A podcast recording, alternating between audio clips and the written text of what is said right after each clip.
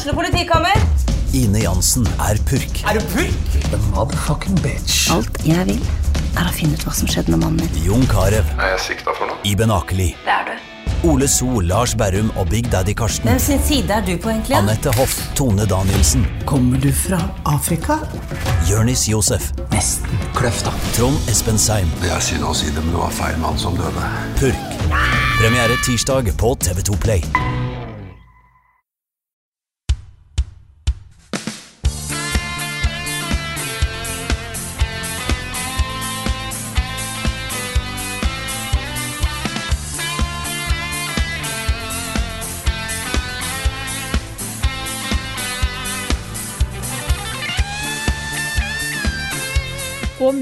Kaoset, som er helligdagene i mai, kommer det en ny episode av podkasten Level Backup rett til øret ditt. Jeg er Frida Landmo, og med meg i dag har jeg Karl Martin Horgsnes og Rune Fjell Olsen. Der er tu- tunga mi tuller seg litt grann der, men hallo, folkens. Hallo, folkens. Hallo. Karl Hallo, Martin Horgsnes at your service. Horgsnes. Horgsnes. Det kan være Det er litt ikke så alter ego, vet lett. du. Det er ikke så lett. Nei, det er ikke det, men det er, eh, du har vært veldig flink fram til nå, da. Så det skal du ha. Jo, takk. Fram til nå, herfra går det rett vest. Nei, det er jo eh, helligdager opp og ned i mente nå, som gjør at du må ha tunga gå rett i munnen hvis du skal prøve å huske på når du kan dra og handle på butikken, eksempel. Ja, eller når man skal gjøre avtaler om å gjøre ting, liksom. Bare Ja. sånn man legger avtaler om Å nei, vent da, det var, eh, det var Kristi himmelfartsdag. Å nei, vent da, det var pinse. Øy, eh, 17. mai. 17. mai er ganske lett å huske, da. Den Men det klarer er ekstra Ja, for 17. mai pleier å være på samme dato. Mhm. Mm, så det er, eh, det er litt greit. Men det er, no, det er noe ekstra nå, fordi det er liksom koronalockdown. Alle dagene glir inn i hverandre. Ja, Det å huske om butikken er åpen, det å huske sånne ting, det er ikke så lett akkurat nå, altså. Nei, Nei. det er ikke det. Det som er fint, er at jeg plutselig nå får en inneklemt dag, og den forsvinner jo. Det er Ja. bare Det er bare sånn det er. Fordeler. I hvert fall Nei, når jeg er er spent på hvordan 17. mai blir i år, altså. Den var Ja. veldig rar i fjor. Det var, det var rart, altså. Ja. Men uh, Jeg tror jo ganske mange i Oslo kommer til å gå ut. Um, så jeg er litt sånn, jeg tror ikke jeg tør å forlate leiligheten. Nei, jeg er jo litt sånn jeg, jeg vil jo egentlig helst sitte hjemme i kosebuksa og se på 17. mai på TV. Jeg kan gjerne ha masse is og pølser og sånne ting, altså. Ja, det er en fin, fin ting med 17. mai. Mm, men jeg har jo tre, tre andre familiemedlemmer som er veldig glad i 17. mai. og som gjerne vil ut og se på flagg og gjøre ting og hoppe sekkeløp og løpe med poteter og alle de tingene, liksom. Så, um, eh, så jeg må jo liksom føye meg litt, da. Du kan jo sette opp et sånt eh, potetsekk eh, slash eh, Eller potet slash sekkeløp uh, i stua. Ja, det kunne jeg gjort. Det kan du gjøre, og så sette opp liksom en mål og start, og så vinner man et eller annet. Ja, vi kunne jo kjørt den der Mario Kart um, live circuit-greia, vet du, som med potet oppå bilen, liksom. Ja! Ja, så må du kjøre sakte for ikke å miste poteten. Ikke sant? Du må både komme deg gjennom banen, og du må ha med poteten hele veien. Det har du nok. Da må bare passe på at de bilene ikke begynner å rope på Vario og Valuigi og sånn. Fin callback. Plutselig blir det dyrt.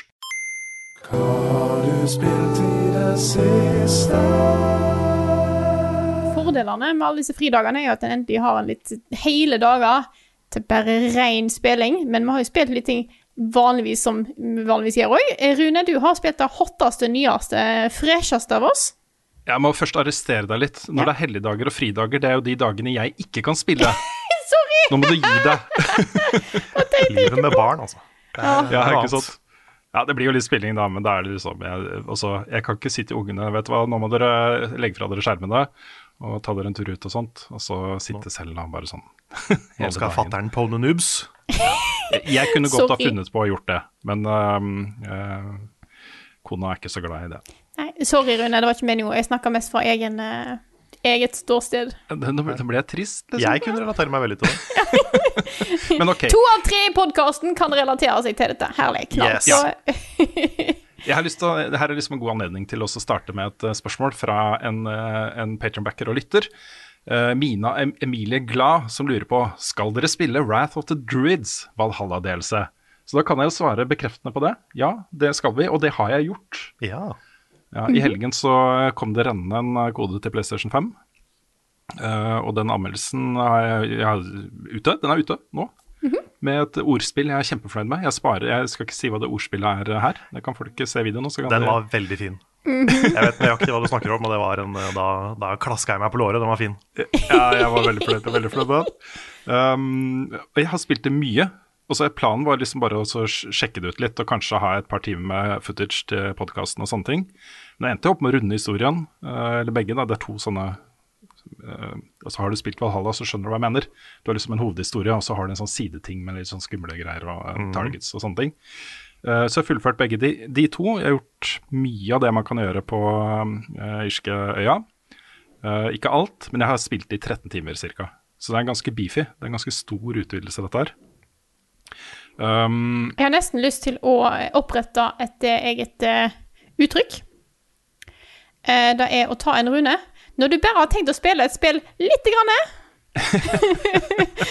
Ja. og så går det ikke helt Ja, nei. ja, nettopp. Ja. Nei, det, det, var, det, var, eh, det var fint det kom i helgen. Fordi da kunne jeg liksom sette av litt tid. Men jeg har gjort mye annet. liksom Jeg måtte levere anmeldelse av uh, po- New Pokémon Snap til NRK. Uh, pluss uh, et par andre svære ting. Og så kom det jo ja, Det skal jeg straks snakke om, så det trenger jeg ikke å si her. Men uansett, da. Um, den kom, og jeg satt mye i helgen og da litt utover mandagen og tirsdagen for å spille dette her. Og jeg må jo si at sammenligna med Valhalla så altså Det er tydelig at det ikke er A-laget i Assassin's Creed som har sittet og laga dette her. Historien er ikke på langt nær like god, og ikke like godt skrevet, og dialogen er ikke like bra. Det er ikke noe humor her. Så å si ikke humor. I Valhalla var det jo masse humor, særlig disse herlige eh, valgfrie sideoppdragene og sånne ting. Mm. Smack My Bishop og Ole Brumm og Ikke sant? Også sånn gode ideer, godt gjennomført, med bra dialog, og man sitter og koser seg med det. da. Det er ingenting av det her. Det er veldig seriøst. Uh, og så syns jeg også Eivor har blitt litt vel tørst. Og hun drar jo liksom fra um, Er det Rang... Rang... Rangvill? Rang... Og eh, Randvi. Randvi. Randvi. Uh, som jeg da hadde valgt å liksom, ikke sant, innlede forhold Ja, til same. i Valhalla. Eh, og drar til Irland og er bare tørstere enn noen gang, liksom. Og det, pass, det kler ikke rollefiguren hennes så godt, for hun var Nei. ikke så tørst i Valhalla. Nei, hun var kanskje ikke fullt så på som Cassandra i uh, si. For Cassandra kunne jo ha seg med alle Ja, ja, ja. hele tida. Ja, det var noe annet. Det var noe annet. Så, så den er liksom det, det er på grensen til å være ikke greit, liksom. Men, okay. uh, men jeg syns jo liksom den grunnleggende gameplay-loopen i eh, Valhalla er veldig uh, underholdende og morsom. Jeg liker kampsystemet, og jeg liker den der følelsen av å komme til liksom huler med skatter og finne upgrades og Jeg, jeg liker alle de sidene det, der av spillet, og det er jo fortsatt til stede her. Det er kult å liksom snike seg inn på klosteret for å ta ett target med liksom krav om å ikke bli oppdaga, krav om å ikke drepe flere enn nødvendig og sånne ting. Da, da blir det litt eh, ålreit. Så jeg jeg gir det syv av ti. Jeg syns det er en, eh, en fortjent karakter, da. Um, ikke minst så er det liksom Jeg syns det er ålreit at det er eh, så, så mye innhold her. Det kunne jo vært en sånn tre-fire timers uh, snartur innom Irland og uh, ses, ses i Paris til sommeren, folkens. Men uh, det, er en, det er en skikkelig, skikkelig utvidelse med masse nytt innhold. Og så er det et par ting da som jeg bare har lyst til å nevne. Det ene er at ok, her kommer da Eivor til Irland og Dublin. Hun har liksom spydet til Odin, Thors hammer, Excalibur og en sånn derre eh, Nodens Ark eh, eh, Isu-bue. Altså det, det lyner av våpnene hennes, og det er ikke måte på hvor utrolig fancy hun ser ut. Det er ingen som kommenterer det. Det er ingen som snakker om liksom, Øy, hva er det, liksom? Nei, det er Excalibur. Jeg bare henter, ikke sant? Det, er- det syns jeg er litt rart. Ja, det er litt weird. Ja, jeg ser den. Ja. Det er bare litt sånn derre det er Først den tanken eh, slo litt rot, da. Så ble jeg sånn at dette her, had- her mister de muligheten til, mulighet til å gjøre noe eh, litt artig, da. Med alle de fete våpnene man har klart å skaffe i Valhalla. Jeg har eh, tenkt litt på å gå tilbake til Valhalla, men samtidig så er det sånn jeg har lyst til å vente til all DLC-en har kommet. Ja. Fordi eh, det å loade den saven nå, det blir litt sånn som det er i memen med han der eh, knighten som er under vann. Bare, hva, hva var det jeg dreiv med nå, liksom? ja. Så eh, ja, jeg husker jo ikke hvor jeg var, eller hva slags abilities jeg har, eller hva slags bilde jeg har. Jeg husker ingenting. For min del var det veldig lett, da, Karl. Ja, det var det. For jeg har gjort alt, jeg, i Valhalla. Ja, du har virkelig gjort alt, du. Mm, jeg har alle, alle de spesielle våpnene man kan finne. Jeg har uh, 400 skill points. Jeg har liksom alt. Jeg har Ja, for jeg, jeg tror jeg har maksa ut skill points, og jeg har gjort Ja. det meste av liksom store ting.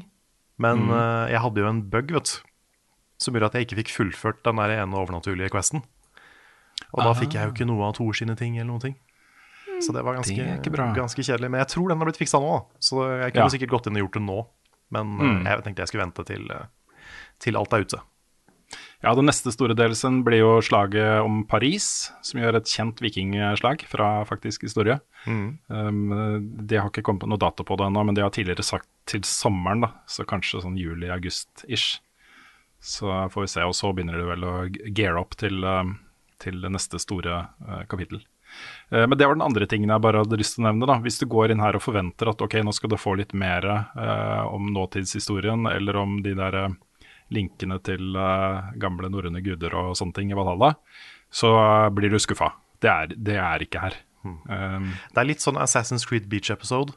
ja, litt. Rann. Det er sånt sideskudd. Det er som om på en måte ikke Valhalla har skjedd på mange måter. da. Um, uh, veldig løsrevet fra opplevelsen i Valhalla, men veldig gjenkjennelig i uh, hva du skal gjøre og sånne ting. da. Så, så egentlig så er det litt som om bare det er et nytt sånn der, uh, kongedømme på kartet, på en måte. Altså Man går inn dit, og man har liksom en, et sett med mål man skal gjøre i hver region. Og når man har gjort det, så har man liksom tatt den regionen, og så går man til neste, eh, på en måte. da. Så, så det Ja, jeg, jeg, jeg koste meg jo. Um, men um, nå har jeg til og med snakka lenger om den anmeldelsen her. så så um, uh, påfyll. Det er påfyll. Hvis du likte Valhalla, så kommer du nok til å like dette her også. Bare, Bare ikke forvent for mye. Jeg ser at det slår ut på lyden nå. Jeg må bare beklage for litt eh, snekring hos naboen. Ja, Så det går nok greit. håper ikke det blir veldig høyt for dere som hører på. Eh, og så har jeg da også levert den anmeldelsen som jeg nevnte av New Pokémon Snap. Det er morsomt. Det er det første Pokémon-spillet jeg anmelder, tror jeg. Ja, Ja, det tror det. jeg det må være. Så um, jeg, har, jeg kan jo ikke si noe særlig om hva jeg gir det, eller noe sånt ennå, for det kommer, den anmeldelsen kommer ikke på trykk før til helgen. Nei. Uh, men eh, jeg kan jo bare tise om at jeg nevner jo at eh, mitt forhold til Pokémon ikke er liksom Altså jeg kan navnet på kanskje 20 Pokémon. Selv om det er liksom verdens største uh, underholdningsfranchise. Så, eh, så um, det er mitt utgangspunkt da når jeg anmelder dette her. Um, da kan du være spent da, Karl, på Ja. eh, hva jeg gir det i ternekast og sånne ting. Nå er jeg spent. Det er at, Mm. altså jeg er spent på om det står noe mer der enn liksom ha-ha, fuck off, Carl. Den tror jeg hadde blitt refusert. Ja, det kan hende. Men, Ja, eh, har, jo, jeg har jo en fordel, da. Eh, når jeg, altså jeg kan ikke så mye av Pokémon fra før. Jeg har jo sett filmene og jeg har sett mye på sønnen min spille og sånt, men jeg har jo sønnen min. Og han er jo Det er litt sånn smittende også, den entusiasmen egentlig både du og han viser for, eh, for dette spillet og for Pokémon generelt, er litt sånn smittende. Det, det hjelper. ja, for, for jeg, ser på de, innser jeg, spesielt når jeg spiller Pokémon Snap, at jeg ser på de liksom litt som søte dyr. De er liksom bare anime-dyr. Og derfor så er det koselig å ta bilder av det, liksom. Mm. Så, um, men ja, det er, det er litt som jeg sier i anmeldelsen min nå, at det, jeg tror det kommer Grunnen til at jeg er så glad i det spillet, kommer av liksom 50% Pokémon og 50% foto. Mm. At det er liksom de to tinga som kombineres. Det er to ting jeg liker, og derfor så liker jeg spillet. Jeg må også innrømme at, eh, at når jeg gjorde litt research til denne anmeldelsen her, så For jeg har mitt bilde av eh, det originale Pokémon Snap er jo at det er sånn sært lite kultspill som ingen spilte. Men det var jo ganske svært da det kom. Da var det. Det solgte veldig bra. Det har jo solgt, solgt flere millioner eksemplarer og er en, en ting liksom som mange har kost seg med og mange har likt veldig godt. da. Mm, da- det er jo veldig, veldig veldig rart at ikke det har kommet en oppfølger før nå. Ja, det er det jeg har sagt i alle år. Er ikke det sært? Jo, det er rart. Det er veldig rart. Men det var, det var jo første gang Pokémon var i 3D, ikke sant? Så det var en kjempebig deal da det kom. Men all right, vi har snakka masse om, eh, om det spillet, så uh, kan gå litt kjapt videre. Fordi jeg har jo også på tirsdag så kommer jo det en helt ny sesong av Destiny 2. Uh, og jeg gjett om jeg gleda meg, altså. Eh, Forrige sesong var veldig god. Nå la jeg den helt bort. Det var litt morsomt når jeg gikk inn på Destiny 2 igjen eh, i helgen. Bare for å preppe litt og gjøre ferdig et par ting som jeg ikke hadde gjort og sånt før nye sesongen. Så var det sånn, jeg, tror- jeg tror det var 20, noen og 20 dager siden sist jeg hadde vært på, pålogga i spillet. Og det har ikke skjedd da siden Destiny kom ut, tror jeg. At jeg har vært liksom tre-fire uker borte fra spillet helt, liksom. Helt borte. Så, um, så dette gleder jeg meg til. Og det er jo eh, en god del nytt her som lover ganske bra. Du har en ny mode som heter Override. som er matchmade, så du kan gå inn av solo. Eh, som er en blanding av du skal liksom banke modes, og du kommer inn i en sånn vekstsimulasjon, og det er ganske heftig. da, Ganske kul, uh, kul mod. Uh, og så får du et nytt ukentlig mission, som også foregår i en vekstsimulasjon, som heter X-Punch. Um, ligner litt da på Presage, og så har samme formålet. Det er sikkert et uh, kult våpen på slutten der, uh, som du kan få nye rolls av, og masse law og sånne ting. Og så har vi fått Transmog. Det er dødskult. Jeg har vært inne og liksom henta fram noen av mine favorittpieces og begynt å, begynt å liksom bygge en karakter. Da. Men jeg vil jo ikke gjøre for mye, for det er litt begrensa tilgang til materialene du trenger for å uh, bytte utseende på armor. Uh, men det er stilig også. Det er kjempegøy. Og så er da rosinen pølse er selvfølgelig Vault of Glass. Det originale, det første Destiny-raidet kommer tilbake den 22. mai. Eh, Så, så det er mye handler jo om å bare forberede seg til det nå. Så jeg har eh, blitt med i et raid-lag. Jeg er klar 22. Ja. mai. Er det det fett, et altså. nytt Volt of Glass, eller er det liksom 100% det gamle? Nei, altså um, De har de samme bossene, samme layouten osv., men de sier at de uh, både skal ivareta liksom eh, den originale opplevelsen, men de kommer til å introdusere noen nye elementer. Mm. Det, det er ikke sikkert at det er mer enn at de bare slenger inn noen champions, som er den nye liksom, superbossen som du må ha spesielle mods for å, um, for å få ned og sånne ting. Det, det kan hende at det er det, liksom. uh, pluss en del nye challenges og sånt du skal fullføre, da. Men det hadde jo vært kult, da, hvis det plutselig var liksom Fordi det er jo f.eks. rett før det kommer inn til Athian, så kan du liksom med masse mobility og sånt komme deg til en sånn eh, øy ute i eh, The Void, liksom, hvor det er en vekstportal. Som eh, folk liksom prøvde jo i årevis å åpne den portalen. Fin, er det noen måte å få dette her til å funke på? Ikke sant? Så det hadde jo vært veldig veldig kult hvis de la til noe, mm. nytt som, uh, eh, som overrasker folk, da. Så, men det er sjukt som jeg gleder meg. Også. Så kommer jo Fatebringer og Vision of Confluence og Vex Mythoclast og de der gode, gamle våpnene. ikke sant? De kommer jo tilbake! så det blir julekveld, altså. Det blir eh, ordentlig stas. Så førsteinntrykket av um, Season of the Splicer er eh, ganske godt. Um, jeg er kjempeglad for at ikke de har eh, lagt til en sånn eh, kjempegrind for å komme opp i uh, maks level. Nå går det bare opp ti per season. Så hvis du, hvis du har liksom kommet deg til maks fra forrige sesong, så er det liksom bare ti opp. Um, og du trenger ikke å gjøre um, annet enn sånne pinnacle-aktiviteter, som det kalles. Uh, når du kommer liksom til uh, um, capen, så kan du komme pluss ti med pinnacle drops. Så du ba trenger bare å gjøre det da, for å grinde opp uh, power levels. Så det er, uh, det er veldig behagelig også. Da respekterer de meg som spiller, og det syns jeg er uh, veldig ålreit. Så jeg vet ikke helt hva jeg legger på av video til podkasten for det er folk som ser den på YouTube. Men jeg tror det blir bitte litt fra eh, Season of the Spl eh, Splicer fra Destiny. Bare et par av de nye tingene, hvordan det ser ut og sånt. Men resten blir nok uh, Wrath of the Druids. Takk for meg. Nice. All right. Skal jeg ta og fortsette litt? Grann? Kjør på. Yes. Jeg har nemlig spilt noe Det, begynner å bli Jeg husker ikke helt når jeg spilte dette, her, det begynner å bli litt stund siden, men nå eh, kan jeg endelig snakke om det. Jeg har nemlig testa preview, eh, en preview-utgave av Scarlet Nexus. Eh, og Det ikke, er hot. Yes, og det er ikke sikkert, for det har ikke kommet ut ennå, vet du! Det er faktisk eh, over en måned til det har kommet ut. Eh, sjelden jeg får være så tidlig ute. Eh, og før noen lurer på hm, hva var Scarlet Nexus igjen, da er det anime-spillet der du slåss mot blomsterbuketter. Ja. Ja, det er sånne monster blomsterbuketter, som vi, og det var det vi huska fra traileren da vi så det. Ja. Mm, og så husker jeg at det var noen folk på teamet som kalte det for brainpunk. ja. Så det er ikke steampunk, ikke cyberpunk, men det er brainpunk. Det er en ny, en helt ny sjanger, visstnok. ja. Ja, jeg vil kalle det sci-fi. Ja, de kunne kalt det sci-fi, men it's anime. Ja, så det, så det er jo litt anime, dette her. Jeg vil bare nevne det. at Det er Det, er, det har en anime-åpning. Etter du har spilt Nice. litt sånn, så dukker det opp en anime-åpning. Det er sånn det, det må være i disse eh, japanske action-RPG-ene. Um, det, det ligger en video ute på YouTube nå. Eh, den eh, kommer til onsdag klokka fire. Eh, En liten preview-video av meg der. Men eh, kort oppsummert, da, så er dette her et eh, spill som minner meg veldig om Astral Chain, må jeg innrømme. Eh, selv om jeg ikke nødvendigvis nevner det i, den videoen. Eh, det er et sci-fi anime-spill med et veldig fast-paced, opp i ansiktet ditt, eller til fiendene, kampsystem, med litt eh, superpowers. Ja, Det minner meg veldig om Code Vein, Ja. egentlig. Mm. Men Cold Wind var jo ikke så bra, så jeg håper det er bedre enn Cold Wind. Jeg liker godt kampsystemet her. Jeg syns det er litt stilig. Både at du har Det er veldig sånn kombobasert. Eh, at du har vanlige angrep og telekineseangrep.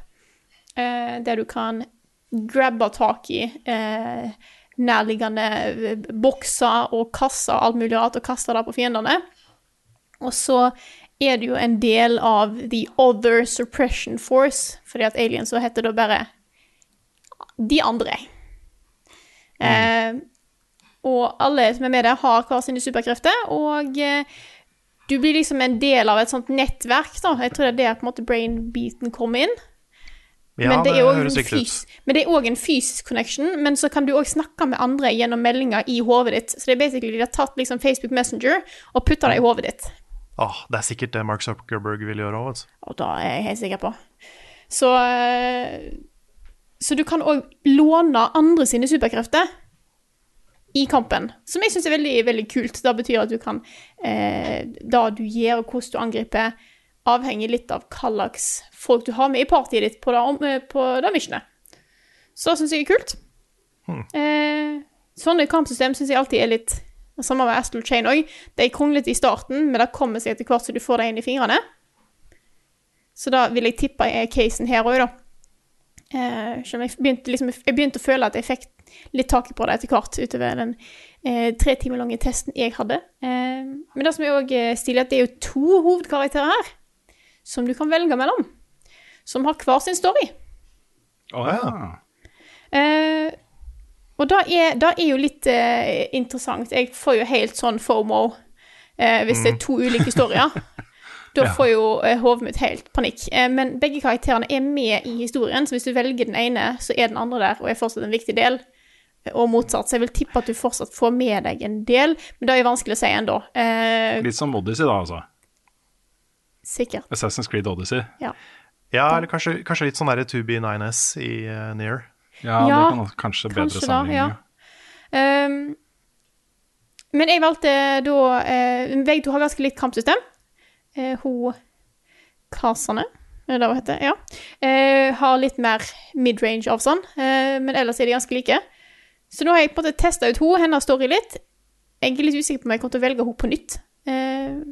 For nå, er jeg, på en måte, nå har jeg sett litt av den, nå har jeg lyst til å teste den andre, retningen òg, vet du.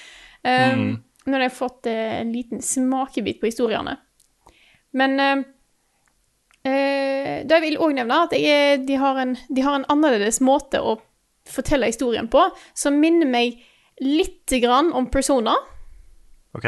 ish. Fordi at de har eh, De har liksom et ikon av hva karakterene som snakker. Eh, men istedenfor at du har på en måte CGI og ting som skjer i bakgrunnen, så er det bare stillbilde. Så du har på en måte stillbilde med en snakkende, et snakkende hode som ligger oppå. Eh, så det, jeg Litt er sånn spent. eh, low budget cutscenes. Kanskje litt low budget cutscenes. Jeg er ikke helt sikker på om jeg liker det 100 ennå, for jeg syns jeg er, jeg er no, Det kan være at jeg er på en måte så vant med måte full action. Eh, Anime-spill cutscenes pleier å være veldig overanimert i ansiktsuttrykk og kropps... Eh, på en måte alt. Eh, så en slipper jo på en måte de, de tingene der, da. Men jeg skulle likevel ønske litt mer ansiktsuttrykk, kanskje. Jeg vet ikke. Jeg syns i hvert fall historien i seg sjøl er ganske kul. Settingen er stilig, og altså, blomsterbuskfiender er jo en eh, er jo en ny ting. Jeg har ikke spilt det før. Nei. Så det, det, det er Men vi, vi satt jo, eh, det skal du sikkert snakke om straks, Karen, vi eh, satt jo og så på en stream eh, eh, nå nettopp, hvor, eh, hvor eh, du var veldig opptatt av plantene, Frida. Ja. Kommenterte liksom hvor mange planter det var overalt, og det var bare planter, planter, planter, planter, planter. Det er mest fordi at da, var, eh, da, da huset som jeg så på i det spillet, hadde på en måte mitt ideal av plantenivå. Og jeg syns Ja. jeg for sjeldent ser et bra mengde planter eh, i spill. Og god planteratio, liksom. Ja. Kontra annet uh, nips. Ja. Trenger ikke nips når du har plante. Men, uh, men her skal du altså beseire de, da, få de vekk. Så jeg vet ikke helt om det kanskje kommer til å krasje litt med min ideologi. Oh, om planteratio. ja. Så, så, Neida, men jeg syns, jeg syns det er kult. Jeg er, er spent på å se eh, mer av spillet, egentlig. Se mer av historien. Jeg føler jeg er på en måte eh, Med det jeg fikk testa, så har jeg på en måte kommet Det føles som at ting begynner å ta av, men det har ikke nådd punktet der ting tar av, som det ofte gjør i sånne spill. Mm. Um, så, så jeg er spent på å se om, om storyen kommer til å gå helt bananas, eller om han holder seg eh, på en måte Ja, hvor han går hen, rett og slett. Så det er det jeg er Mm. spent på. Eh, jeg kan også si at jeg ser det kommer, jeg har fått beskjed om det kommer en demo til spillet som er litt kortere enn den jeg har, eh, jeg har testa. Den kommer i slutten av mai. Eh, kommer vel 21. mai til Xbox og 28. mai til PlayStation. Så da går det an at dere som hører på, også kan teste ut dette her. Så eh, alt i alt positiv, og veldig spent på hvor historien tar eh, retningene sine. Når det handler om å slåss mot planter, vet du, jeg klarer ikke å unngå å få sånn derre Vietnam-flashback-situasjonen til uh, filmen 'Invasion of the Body Snatchers'. Som jo handler om liksom planter kommer til jorda og infekter mennesker og tar over, og så blir sånne parasitter da, som tar over mennesker og sånt. Mm. Jeg bare husker jeg så den litt for ung. Å ja. Den var veldig, veldig, veldig skummel. ja. For meg så var det Men in Black, som jeg så var som Ja. litt for ung. Med han der skummel, han der Centipede-mannen. Ja, som har på seg skinnet av eh, Ja. en annen mann. Ja. Det eh, fucka meg opp som liten, ass. Ja, det var ille. Mm. Det var ille. Eh, Det, det er ikke så skummelt, dette her, må jeg eh, Nei, det, det ser ikke så skummelt ut. Det gjør ikke det. Nei. Men, Men det er det, det Plants det en- vs. Zombies. Ja. Er, det en, er det en fin Segway, det, så at det ikke så så skummelt ut? Ja. Ja, ta, ta det som en Segway. Kan, så kan vi si at det var, en, at det var intensjonelt. Eh, Ja. Vær så god, Karl. Thank you, thank you. Nei, for jeg hadde jo en stream da, på mandag, eh, hvor jeg spilte tre timer av Resident Evil Village. Det Og var det eh, modig. Jeg grua meg til det.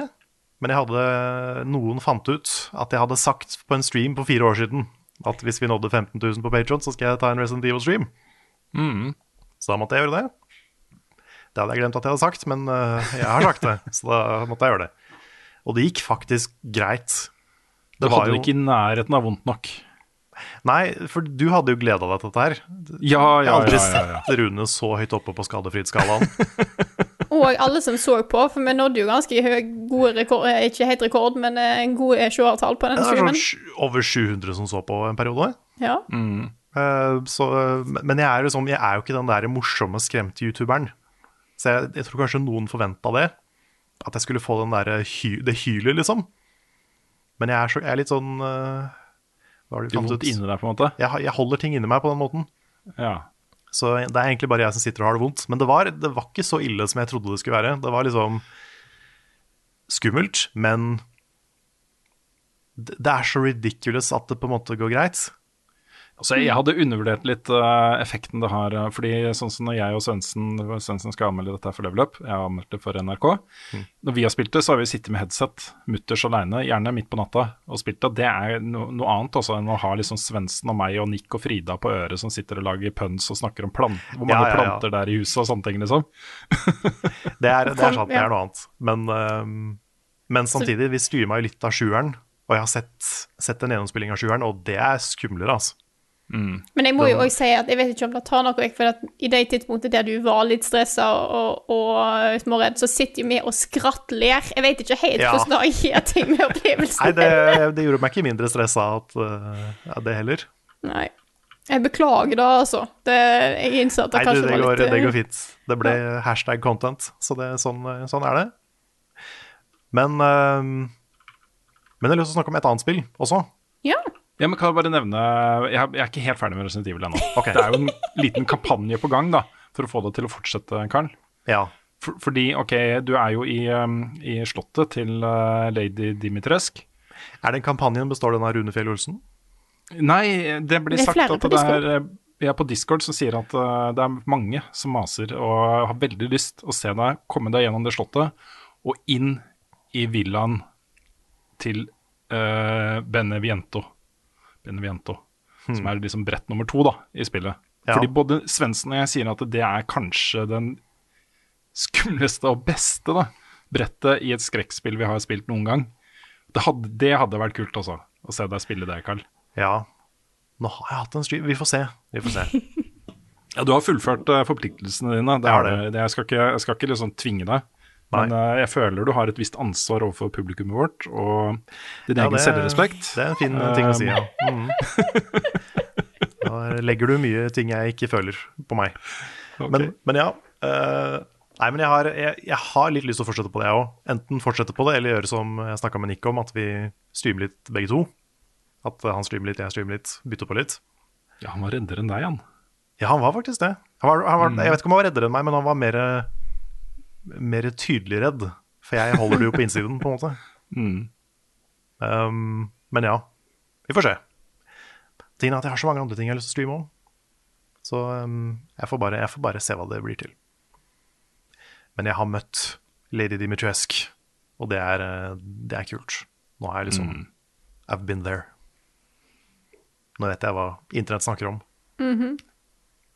Så um, Men jeg har spilt eh, et annet spill, og jeg har eh, blitt med i en eh, klubb. Jeg har blitt veldig dedikert medlem av klubben Returnal trenger save and quit. Ja. Fordi på mandag, når, vi skulle, når jeg spilte Resident Evil, så, satt, så gikk jeg hele dagen og hadde lyst til å spille Returnal. Men så tenker jeg at ja, men jeg kan ikke spille Returnal nå, fordi jeg kommer til å måtte quitte spillet for å starte Resident Evil seinere. Og hvis jeg da har en bra, bra run, så får jeg ikke den runnen tilbake. Nei. Så da kunne jeg ikke spille uh, Returnal på dagen. Men jeg spilte det litt etterpå, etter at vi var ferdig med Resident Evil. Og da kom jeg ganske langt, hadde et skikkelig bra run. Tok en boss, var dypt nede i en ny biome, hadde kjempebra våpen, og alt var alltid kjempebra. Så krasja spillet. Å nei! Såpass, Ja. ja. Så Returnal, få en save og quit, vær så snill. ja. Det var, det var kjipt, ass. Da, fikk jeg litt sånn, da ble jeg litt motløs. Men jeg har kommet til rulleteksten nå, Hei! Det er ikke verst. Så jeg har liksom runda det, men jeg har ikke fått secret ending ennå. Så den eh, jobber jeg med fortsatt. Mm. Så eh, driver og samler på noen greier som du må samle på for å få den. Men ser du, Der har du motargumentet da, til Housemark. ikke sant? Fordi den der å lage en save and quit, quit sitter langt inne. altså. Det bryter med på en måte designfilosofien bak spillet. Og folk kommer seg gjennom.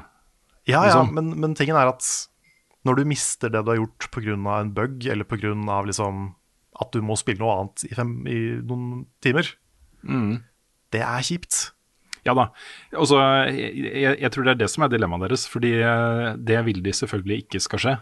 Altså, det, det- vil de ikke eh, De liker ikke at det er en del av spillopplevelsen til folk. Selvfølgelig gjør det ikke det. Nei. Men hvis du har en save and quit, så vil jo folk misbruke det også. Eller misbruke, jeg vet ikke om det er riktig ord heller. For hvis folk har lyst til å gjøre det, så må de jo få lov til å gjøre Ja, det. på det er, liksom det, for du kan altså, For det du kan gjøre da, det er den der upload og så download-saven. Mm. Men det er jo et singleplayerspill, og du ju- jukser jo ikke hvis ikke du vil jukse. Du, liksom, du går inn for å jukse. Mm. Så det er jo bare å ikke jukse. Det er samme med Souls og samme med alt annet som du kan laste opp en save på. Men det skjer noe med intensjonene til folk da, og, og motivasjonen. Når du vet ok, du har gjort et bra run, du har dødd på helt legitime grunner av en boss f.eks. Um, og så den der følelsen av å gjøre starte på nytt da.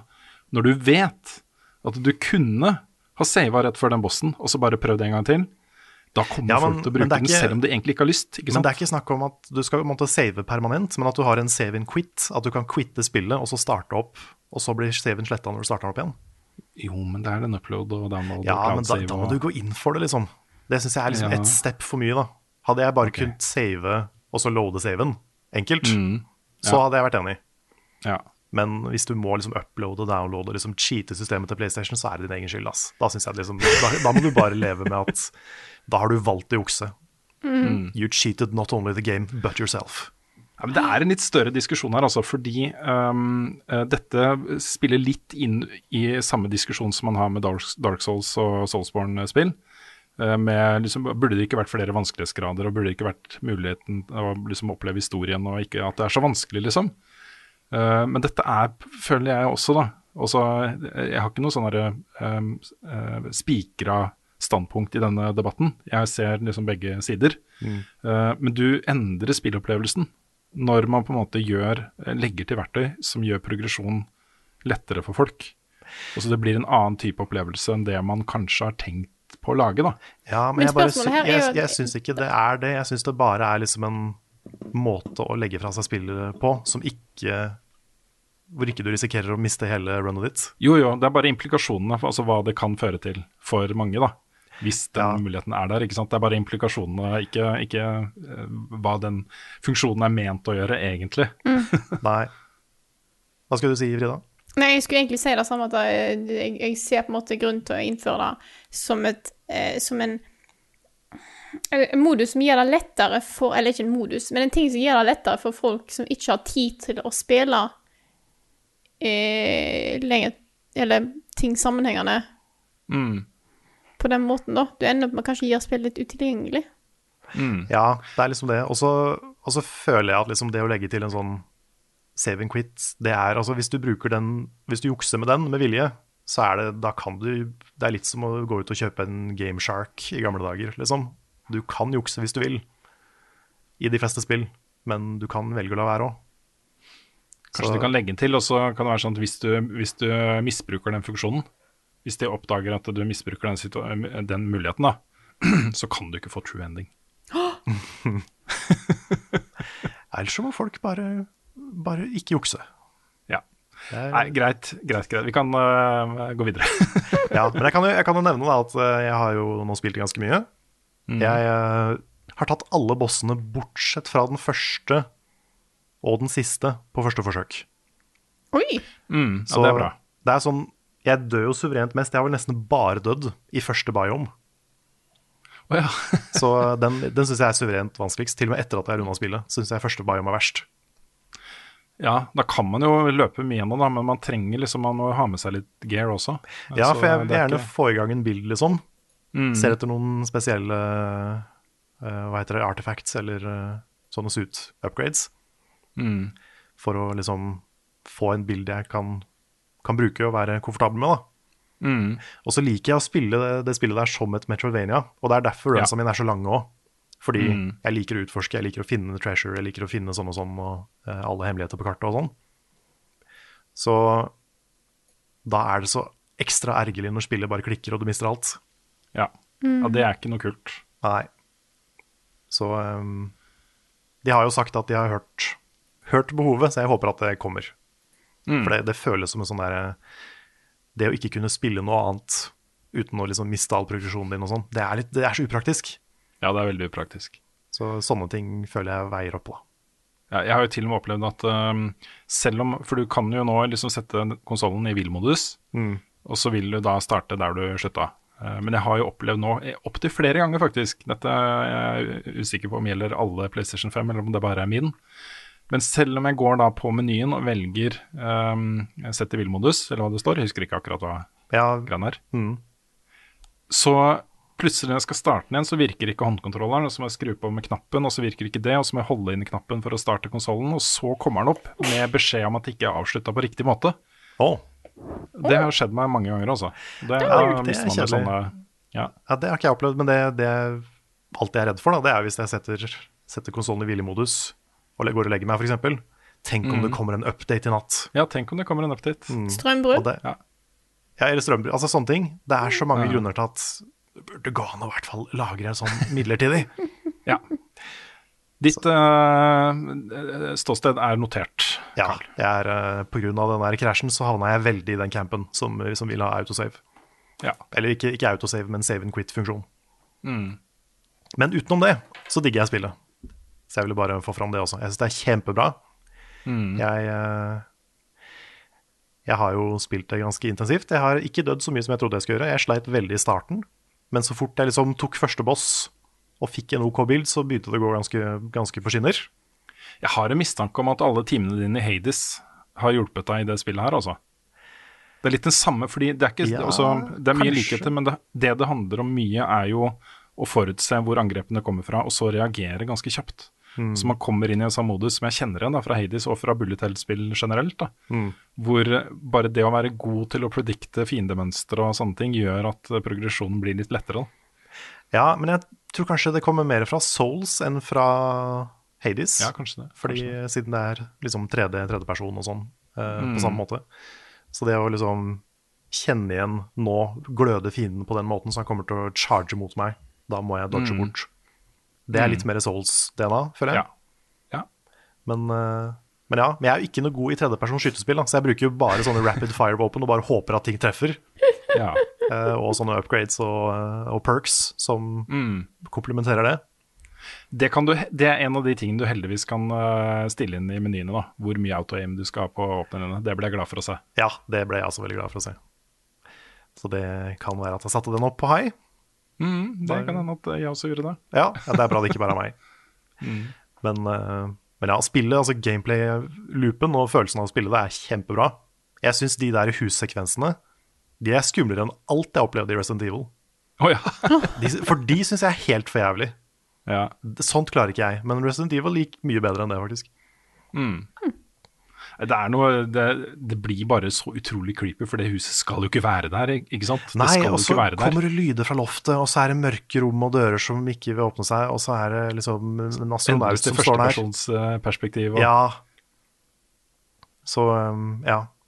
Nei, men det, var, det er mye der jeg ikke har sett komme, da. Sånn som måten spillet er bygd opp på. Det, er jo, det skjer jo noe mid game, jeg skal ikke si hva som skjer, men, uh, men det skjer jo noe med spillet. Mm. Og uh, post credits skjer det også ting. Så nå er jeg da på liksom post credits-biten, hvor jeg skal prøve å unlocke det siste for å få det siste av storyen, så vidt jeg har skjønt. Nice. Det er bra jobba, Karl. Thank you, thank you. Men det er et kjempebra spill. Og jeg, jeg er spent på å se hvordan det slutter, fordi jeg, jeg er veldig spent på hvem jeg kommer til å være mest enig med om historien. Fordi du liker den, og Nick er ikke så fan. Mm. Jeg, Så- altså, Nick liker jeg- historien, jeg- men han liker ikke Han syntes ikke det var nok, på en måte. Ja, da? Nei, Jeg det, jeg tolker det det som riktig at- å si at han ikke liker historien. Okay. Ja, jeg tolka det som at han ble skuffa over liksom slutten og svara og, og sånn. Ja, sånn, ja. Da er jeg med. Mm. Så, Ja, det er mer det. Altså, det, det kommer så mange spørsmål og så mange uh, ting underveis. Uh, og så syns han ikke det, uh, konklusjonene på de spørsmålene og svarene han får, er gode nok. da. Da er jeg med. Eh, men det, det er mer det at jeg har mye mer fokus på følelsen av å spille det. Mm.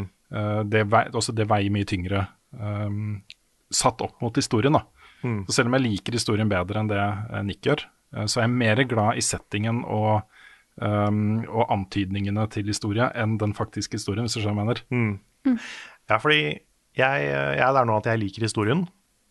Um, samtidig som jeg merker at hvis de tinga det blir hinta til nå, er det eneste det er, på en måte, så blir jeg litt skuffa. Mm. Og da skjønner jeg Nick. Det var jo et intervju med hun som er narrative lead i Housemark, um, i, på Gamer, var vel det, tror jeg. Ok? Kan ha vært Pressfire, jeg tror det var Gamer. Um, og hun sier jo at de med vilje har liksom gått for å ha en åpen slutt, da. Ja. En, en slutt som skal, det skal være mulig å liksom legge inn din egen tolk, tolkning og forståelse av hva som faktisk skjer. Mm. Så, så det er nok ganske bevisst også, at de surrer litt rundt med vage ting, liksom. ja. Nick prata jo om eh, for en stund siden at han hadde lyst til å kjøre en sånn eh, law through-stream. Ja. hvor vi prøver å, Ja. prøver å plukke sammen historien. Og det, Mm. det begynner jeg å bli veldig klar for nå. Ja. Så hvis du hører på Nick, den, den streamen vil jeg være med på. Mm. Jeg skal få spilt det litt mer sjøl også, mens jeg nå skal jeg ha en liten pauseuke. Mm. Det er liksom Planen er å kose meg med det mangler i det spillet. Så kan vi være klar for både spoilercast og law through og alt mulig rart, jeg også. Ja, spoilercast er gøy. Mm. Det er eh, altså På, på tross av uh, save-frustrasjon, så er det et eh, damn good game, altså. Det, det syns Mm. jeg. Så kan jeg også bare veldig veldig kjapt nevne at jeg har eh, spilt gjennom Larry Alligator. Og du har det! Å, det er så koselig! Det er så bra! oh, det er så Herregud, for et sjarmerende, morsomt spill. Mhm. Du har spilt gjennom det, du òg, Frida? Ja, ja. Har du, tatt, det- har du funnet alle family members? Ja. Fått the final ending, liksom. Åh, den likte jeg veldig godt. Ja, det er den beste slutten. Ja. Så hvis du vil spille noe koselig, uh, som ligger på Steam og nettopp har kommet på Switch, tror jeg Ja. Jeg mener jeg så at det dukka opp i, i Switch-shoppen. Så sjekk ut Lear Alligator. De må jo bare lage en oppfølger her som heter In a Wild Crocodile.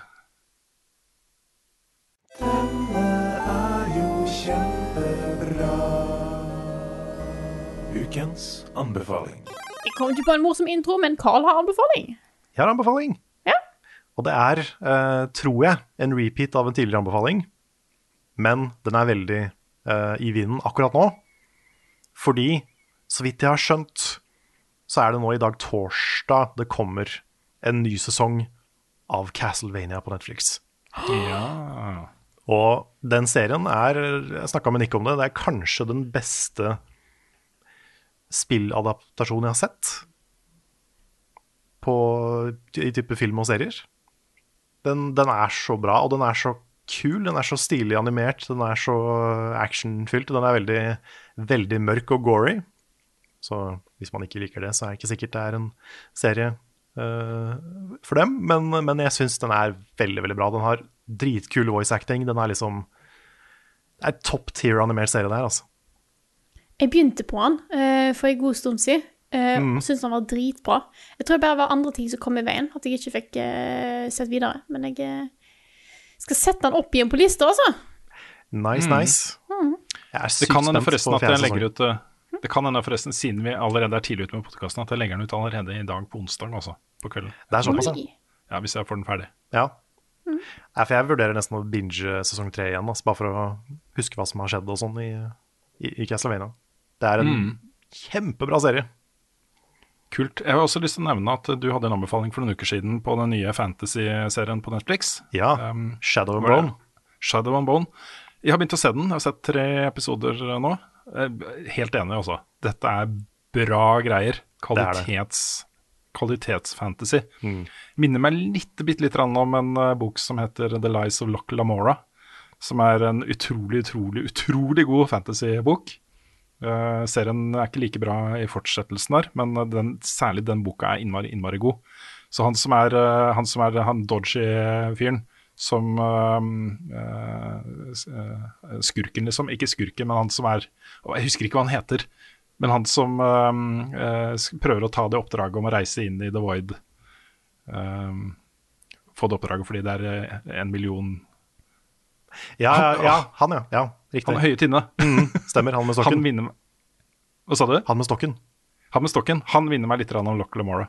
Ah. Og hans utgangspunkt og det er hans gjeng. da det er, det er mulig at det er litt inspirasjon i bildet der. Men Mm. uh, er veldig veldig bra. altså Kule abilities og en kul setting. Og, uh, og den der Chosen One-tematikken er liksom eh, ja, ofte, ofte veldig god, da. Det er veldig gode characters, syns jeg. Mm. Det, um, for du har jo liksom forskjellige faksjoner som kanskje, kanskje ikke møtes på forskjellige steder. Og så hva, hvordan de, hva slags interesse de har, um, og krasjer med hverandre og sånne ting. Så det blir en veldig sånn kul, um, sammensatt historie etter hvert. Mm. Som er veldig, veldig kul. Veldig spennende. Her kommer han har ikke hår. Det er jo mange av oss som går og venter på den uh, forespeilede VR-revolusjonen. Den skulle jo komme for noen år siden. Jeg husker vi satt på VG og fikk inn det første uh, Det var teknisk sett det andre Oculus-kittet, Carl. Mm. Og satt og testa det og sånt i 480P. Eh, gikk rundt i den der eh, villaen i Italia og, og sånne ting. Ja, og tenkte at eh, ja, det er noe her. Eh, det, nå gleder, jeg gleder meg sånn til teknologien er bra nok. Det var vel liksom konklusjonen vår. Og så har jeg vært innom VR da, jevnlig eh, opp gjennom åra. Testa liksom nye generasjoner, eh, sett utviklingen. Og hver gang har jeg gått ut av det med sånn Ja, det begynner å ligne noe nå. Jeg gleder meg til teknologien er skikkelig på plass. Nå kommer det, hør her nå, folks. Det kommer da et nytt VR-headset fra HTC Vive. Det heter HTC Vive Pro 2.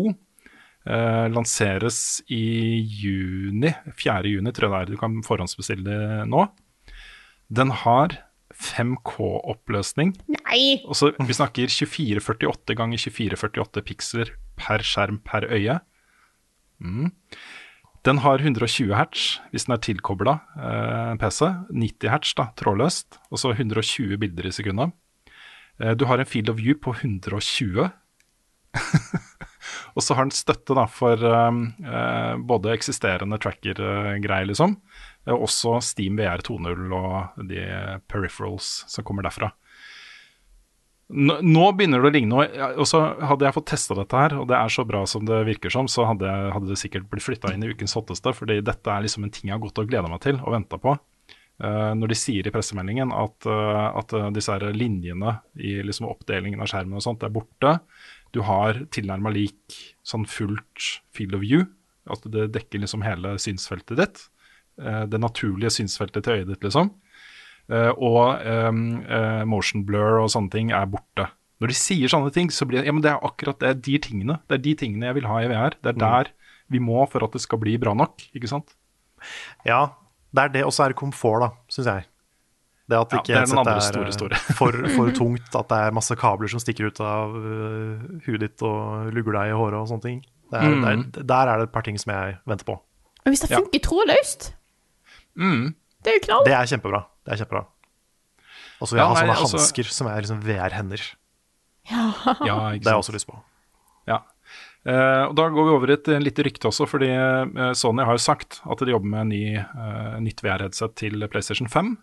Eh, trolig lansering i løpet av neste år en gang. da. Det er ikke, de har ikke kommet med noe dato ennå, men de har vist fram nye sånne kontrollere til den, som begynner å liksom ligne mer på hva Valve gjør, med SteamVR og sånne ting. Så det begynner å skje ting der også. Eh, men nå har det da kommet et rykte om at eh, det vil ha 2000 ganger 2040 piksler oppløsning. Eh, og det er en ganske betydelig oppgradering fra 1080p. Um, det er ikke 1080p, for det var 900 ganger 1080p eller 1080 eller noe sånt på PlayStation 4. Så det er også en ganske betydelig oppgradering der, da. Så det begynner å ligne noe nå, altså. Jeg gleder meg til å teste ut ting på disse nye VR-kitsa. Det kommer til å bli et bra år for VR, dette her, tror jeg. Og så har vi en herlig norsk nyhet. Con Exiles Isle of Sipta er nå straks ute av Early Access. Det lanseres for fullt den 27. mai hey. på PC, PlayStation 4 og Xbox One. Eh, Kan da også selvfølgelig spilles på PS5 og Series S og X. Um, samtidig eh, er det også, eh, sier også Funcom at det snart kommer til GamePass. Så det blir et GamePass-spill. Det er kult at vi får en, eh, en full lansering av det spillet der også. Det er uh, Det er kjempekult. Vi har jo kost oss med det i uh, De bra barbarer i uh, Ja. lang tid. Kan være vi må hoppe inn der en, en tur igjen. mm. Nei, jeg tror kanskje det er på tide at jeg også får testa det. Så kanskje dere kan guide meg litt gjennom hva som skjer og sånt. Det kan vi gjøre. Vi kan Mm. ruste deg opp med armor og ting og tang. Herlig, herlig. EA har bestemt seg for å droppe det eh, planlagte digitale eh, E3, som eh, jo arrangeres fra 12. til 15. juni. De kjører nå sitt eget event, EA Play Live, den 22. juli. 22. juli. Um, hvor det også da er venta at Battlefield 6 kommer til å bli avduka på E3 fortsatt. Også på Microsoft sin, kanskje, da, eller, Mm. eller noe sånt. Eh, for de har også kommet med en twittermelding hvor det står eh, bare eh, What rhymes with soon? June? Boom. altså det er Battlefield Twitter-kontoen som har kommet på den. Så um, Ok, ja. juni. -hmm. juni. Det er vel en stretch at June og Boom rimer, men ok. Ja, det er, det er sånn man skal gjøre det nå, vet du. Hvis man er community manager i eh, disse spillselskapene. Da skal man være litt kul, kule. Ja. Mm. Eh, de har også gått ut og sagt at Battlefield 6 uh, blir utvikla for next gen. Altså det er eh, eh, hovedplattformene, eh, men at det også da vil komme til PlayStation 4 og Xbox One. Og da kan man jo begynne å lage odds da, på hvor mange tekniske problemer disse PlayStation 4 og Xbox One-versjonene kommer til å ha. Hvis man tar utgangspunkt i liksom tidligere eh, lanseringer, så, så eh, håper jeg de eh, gjør en litt bedre jobb her. Det, det er en sånn ting som som kan bli et ganske stort skille da, i- framover. Um, ok. Hver gang jeg kommer med en Fortnite-nyhet, så tenker jeg det, det er liksom ikke kanskje så mange av vårt eh, publikum som spiller Fortnite. Kanskje det er mest jeg som får liksom Fortnite inn intravenøst omtrent fra en uh, klin gæren åtteåring eh, hjemme. Men jeg tror det er mange av lytterne er våre som har òg mye intravenøst Fortnite fra en klingeren åtteåring i hus òg. Ja, det tror jeg også. Og så er jo det er mange som spiller Fortnite. Det er helt sikkert. Det er mange som spiller Fortnite. Men de kom med en ny mode, skjønner du, som er, eh, skjønner dere, som er uh, interessant. Den heter Daybreak, og det er jo et survival, uh, en survival mode. Hvor du starter på en øy uten noe gear i det hele tatt. Og så må du liksom utvinne ressurser og finne gear og sånne ting uh, på, på det øya her. På den øya er det et styrta helikopter, og du kan da finne det utstyret du trenger for å få det til å funke igjen. Og hvis du klarer det, så har du på en måte vunnet. Da har du kommet deg også, Så du må scavenge og, og sånne ting, da. Ja, Eh, Jeg syns moden høres dritkul ut. eh, Og det er også sånn at eh, på natta Det er dagen når du kommer dit, men på natta så kommer monstrene. Oh. Hvis du går inn med en squad så blir dere også spredt for alle vinder på den øya her. Så det er ikke sånn at dere lander sammen og kan bare valse over den øya her og kjøre på, liksom. Dere må finne hverandre, og dere må liksom samarbeide på nye måter, da. Eh, men eh, nyheten er da at det s- tydeligvis snart er klart eh, for lansering. At ikke det er så lenge til det kommer. Så um, eh, det her fikk jeg lyst til å teste, faktisk. Ja, så de, de fire hovedpersonene er da Pusur, Naruto, Batman og eh, Cloud Strife. Ja, det er den her rettssaken nå, ikke sant, mellom uh, Epic og Apple. Der har de nå brukt tid i rettssaken på å diskutere den der nakne bananskinnet i Fortnite. Ah, ja. Det er jo nesten, det Ja. er nesten litt sånn derre eh, Noen burde lage en TV-serie av dette her, eller noe sånt. Fordi det er mye, mye snacksy informasjon som kommer opp der, altså. Så um, jeg har jo også bl.a. diskutert uh, inkluderingen av uh, Itch.io i Epic Game Store. Hvor uh, der er det jo mye eh, For sånne som oss, ikke kontroversielt. Også mye tema om seksualitet og eh, kjønn og legning og masse sånne ting, liksom. Men i rettssaken så blir det jo trukket fram som et sånt eksempel da, på sånn skittent innhold som kan komme på IOS hvis Epic Game Store eh, kommer dit. Så det er, det er mye, det er mye sånne, sånne, For det er jo sånn rare diskusjoner. bare rent innhold på IOS. Ja, ja, ja. Det er jo ingen rare appspill eller noe sånt der. Nei, Ikke det hele tatt. Nei, nei, nei, nei, nei. Det er hyggelig å se at folk begynner å få tak i en PlayStation 5. Det har liksom eh, vært eh, noen, noen eh, litt mer sånn hyppige runder hos de norske elektronikkbutikkene med nye partier og sånne ting, og utlodding og jippi, endelig, jeg trodde aldri dagen skulle komme, her er bildet, ikke sant, jeg har fått min PlayStation 5. Men Sony har nå gått ut og sagt at, at mankoen på konsoller, også tilgangen på PlayStation 5-konsoller, kommer til å være mangelvare gått ut i 2022, har de sagt. Eh, hvis da, da etterspørselen som de ser nå, fortsetter. Det er fortsatt sånn at de har eh, solgt sjukt mange PlayStation 5-konsoller. Uh, sikkert rundt 8 millioner nå, for det var 7,8 eh, nettopp. Eh, så det er mange som har fått tak i en PlayStation 5, men etterspørselen er jo godt av alle hengsler. Det er eh, veldig mange som har lyst til å ha PlayStation 5 akkurat nå.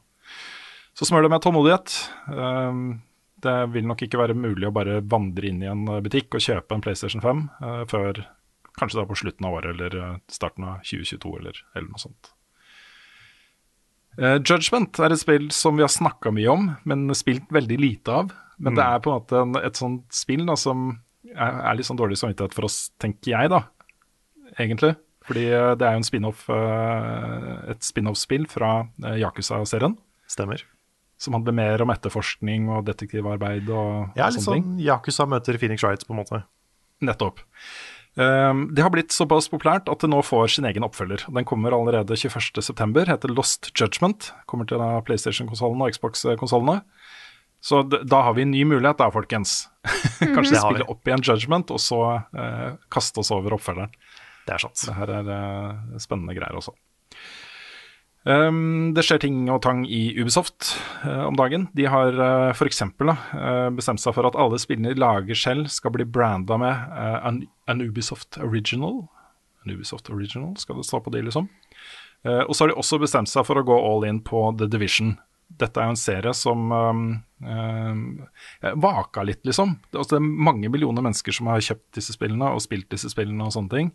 Men sammenligna med kanskje da først og fremst Destiny og Warframe og en del sånne spill, så føler jeg at de eh, halter litt da, når de på en måte prøver å følge etter de største kanonene innenfor den sjangeren her. Men det er såpass mye interesse rundt sjangeren, rundt serien, at de nå har bestemt seg for å utvide den. Så det kommer nå et helt nytt The Division-spill som heter The Division Heartland. Som er et free to play-spill eh, eh, laget av Red Storm, som er studio bak Ghost Recon-spillene. Dette vil da foregå i en helt ny setting. Altså en, en, eh, det er samme univers, samme timeline og alt mulig rart, men det foregår da et annet sted i verden. Og er mer fokusert rundt å få folk til å bli nysgjerrig på liksom, hovedspillet, tenker jeg nå, kanskje. De skal også lage et mobilspill. The Division mobilspill. Selvfølgelig skal det det. Og så en herlig sak. Det er jo, vi snakker en del om alle disse rare figurene som kommer til Fortnite. Ikke måte på hva de trekker inn der av Nå er jo Neymar eh, junior har plutselig fått sønnen min interessert i fotball. Han er ikke så interessert i fotball. um, uh, og det har Activision uh, trolig fått med seg. Nå kommer da Uh, Bekrefta. Rambo kommer til Warzone. Ja, ja, ja. Og så går det også da eh, veldig kraftige rykter, det er sånn de teaser det selv, da, at også John McClain kommer til War, Warzone. Så eh, nei, kommer disse gutta dit òg, ikke sant. Det blir bra. Jeg hørte, Kom det ikke også fram at uh, Samus var vurdert, men Nintendo sa nei? Til Warzone? Hæ? Nei, til, til Fortnite. Til Fortnite, ja. ja det er altså, der er sikkert alle populære figurer vurdert. Ja. Ja. Absolutt alle. Eh, Så lenge noen er villig til å betale for det, tenker jeg at det er eh, fritt fram. Mer eller mindre, da. Det er helt vilt, altså.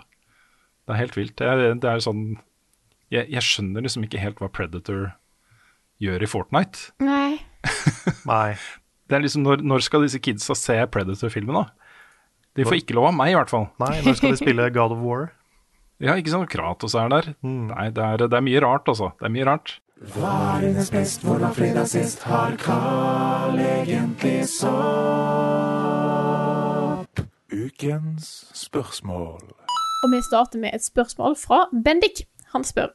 Rune og Nick har nylig hatt en uenighet om Returnal.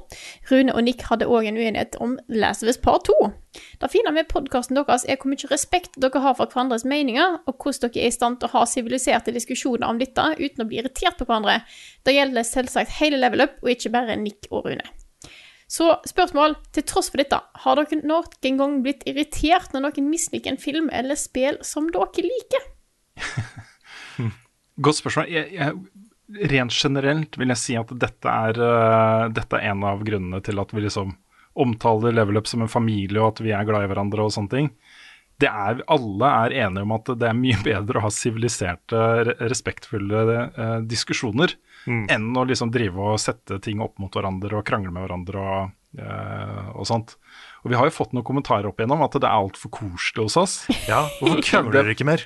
Ikke sant? Eh, det, det er nok krangling på nettet, eller, og i verden generelt, liksom. Uh, det å respektere hverandres meninger er liksom Det er bare sånn vi er. Så eh, det som irriterer meg mest, er jo når folk ikke respekterer andres meninger. Og begynner også å kalle ting jeg liker for uh, ræva og sånt, bare for å være kjipe, liksom. Det er, vet du hva det er for noe, Rune? Det er oppskrytt. Oppskrytt er et sånt ord jeg hater, ikke sant? Hater det ordet.